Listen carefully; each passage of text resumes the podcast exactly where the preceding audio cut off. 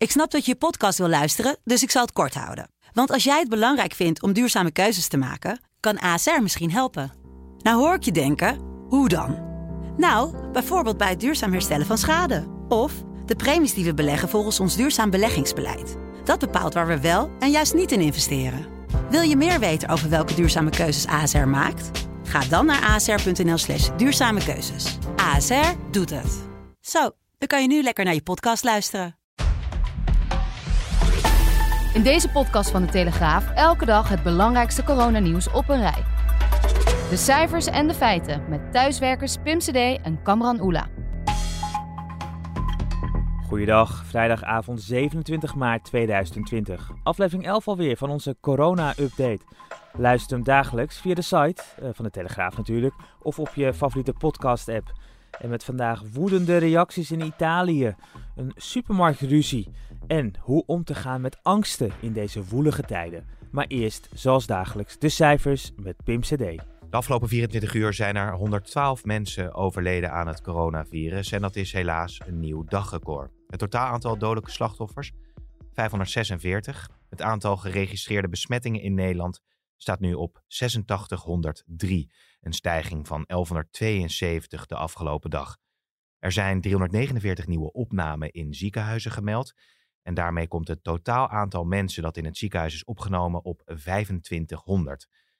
Het RIVM komt ook met een duiding van de cijfers. Het aantal ziekenhuis- en intensive care opnamen lijkt wat minder snel toe te nemen. En verder meldt het RIVM dat het er ook op lijkt dat het aantal overledenen minder snel toeneemt dan dat je zou verwachten zonder alle maatregelen die zijn genomen. Als deze lijn zich voortzet, dan kan worden geconcludeerd of de genomen maatregelen ook echt werken. Ja, met uh, maatregelen wordt natuurlijk gedoeld op het uh, afstand houden, op het uh, sociaal contact beperken en natuurlijk handen wassen.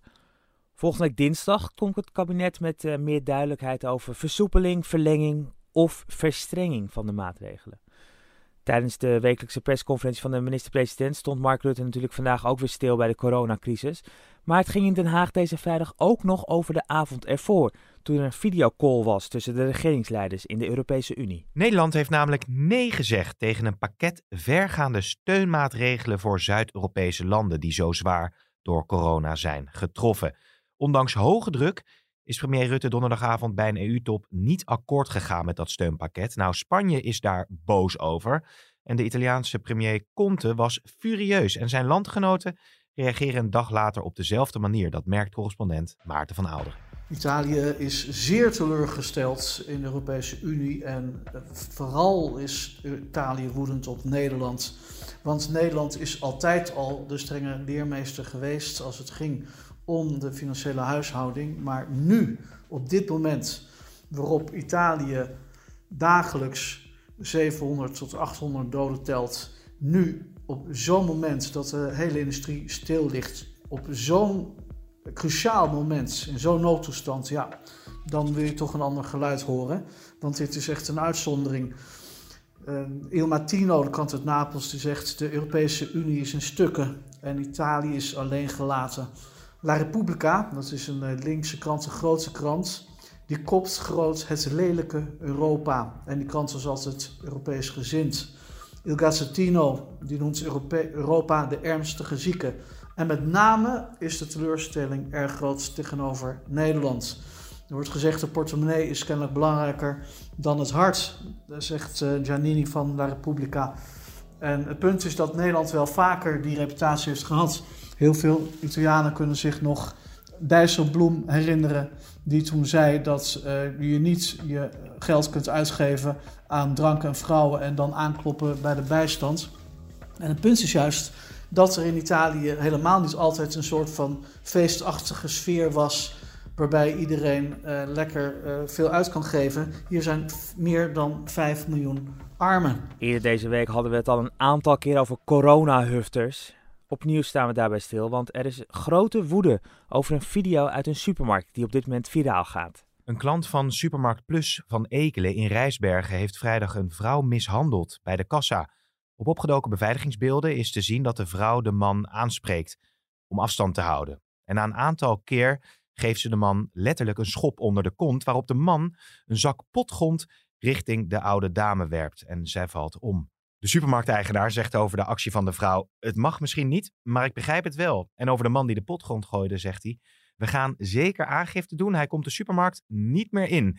Dan de Albert Heijn. Ehm, de appie heeft namelijk aangekondigd om tijdens normale openingstijden bij sommige winkels toch even de deuren te sluiten. Op die manier kunnen werknemers op een veilige manier de vakken vullen.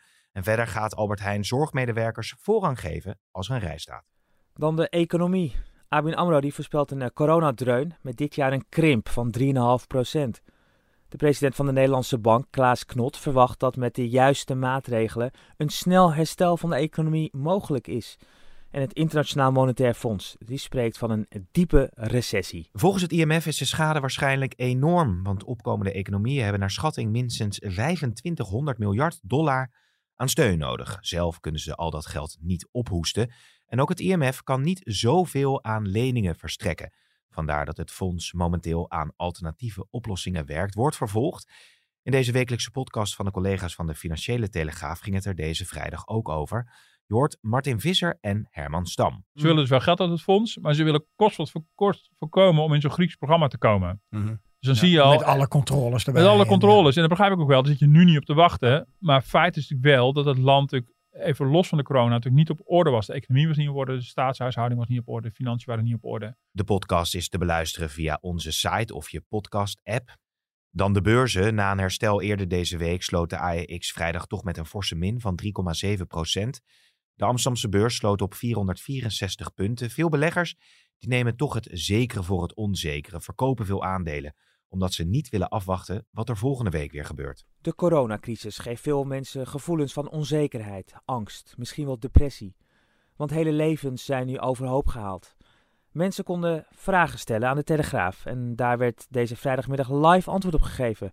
Pim, Kamran, ik nam in de studio van de Telegraaf een uur lang met psychologen Gijs Koppens en Nine Gramberg vragen door van onze lezers en kijkers. En sommige van die vragen waren best heftig. Bijvoorbeeld van een moeder van 31 die twee kinderen heeft, zwanger is, met een man die veel werkt. Nou, ze merkt dat ze onzeker is, met angsten kampt, want ze vindt het gewoon te veel. Op de vraag hoe ze daar het best mee om kan gaan, komt het volgende antwoord van Gijs Koppens. Het is een enorm pakket. Ik denk dat we dat gewoon moeten vaststellen. Dat het ook belangrijk is voor haar dat ze dat ook even hoort. Van hey, het is ook heel veel wat je op je bordje hebt liggen. Uh, ik denk dat het voor haar van belang is om echt te structureren van wat zijn nou de allerbelangrijke taken die ik sowieso moet doen voor het gezin, voor de kinderen. Um, waar kan ik zeg maar niet op toegeven en welke taken zijn eigenlijk minder belangrijk en zou ik misschien nu even kunnen laten liggen. Ja. Dus dat ze daar toch een slimme afweging in maakt. En in dit geval, uh, de man die, die werkt, daar spreekt een beetje uh, de ondertitel uit van hij is er te weinig. Uh, dat zou ik zeker ook thuis bespreekbaar maken. Van, ja, is er ja. iets wat hij kan doen? Want ik denk dat we, ja. dat we echt nu ja, man en vrouw samen moeten werken om het gezin draaiend te houden. En de psychologen sloten de live-uitzending af met de belangrijkste adviezen in deze moeilijke tijd. Ja, ik denk, uh, vind een nieuw ritme. Zorg voor verbinding met andere mensen. En zorg dat je iets leuks hebt om te doen. Een mooi lijstje. Ik zou zeggen delen. Praat erover met, met mensen om je heen. Is nog een hele mooie aanvulling erop. Op het platform openup.care kun je terecht met meer vragen. Een samenvatting van de uitzending vind je op telegraaf.nl. Het aantal besmettingen en doden wereldwijd blijft stijgen. Onder de besmette personen zit nu ook de Britse premier Boris Johnson, de zorgminister Matt Hancock en de baas van de gezondheidsraad al daar. Die heeft ook coronasymptomen. Pim die werpt een verdere blik op het buitenland. Dat Boris Johnson besmet is met het coronavirus, dat maakte hij zelf bekend in een videoboodschap. Hi folks, I want to bring you up to speed with something that's happening today, which is that I've developed mild symptoms of the coronavirus. That's to say, a temperature and a, a persistent cough. And on the advice of the chief medical officer, I've taken a test that has come out positive. So I am working from home, I'm self isolating, and that's entirely the right thing to do. Johnson zegt dus dat hij positief is en van huis werkt in quarantaine.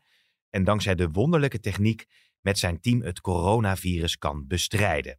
Thank you to everybody who's doing what I'm doing, working from home to stop the spread of the virus from household to household. That's the way we're going to win. We're going to beat it and we're going to beat it together. We gaan het samen verslaan. Blijf thuis, bescherm onze gezondheidszorg en red leven. Al dus de Britse premier. Dat het coronavirus ook voor jonge personen fatale gevolgen kan hebben, dat blijkt weer in Frankrijk. Een pas 16-jarig meisje is daar overleden nadat ze afgelopen week plots ziek werd.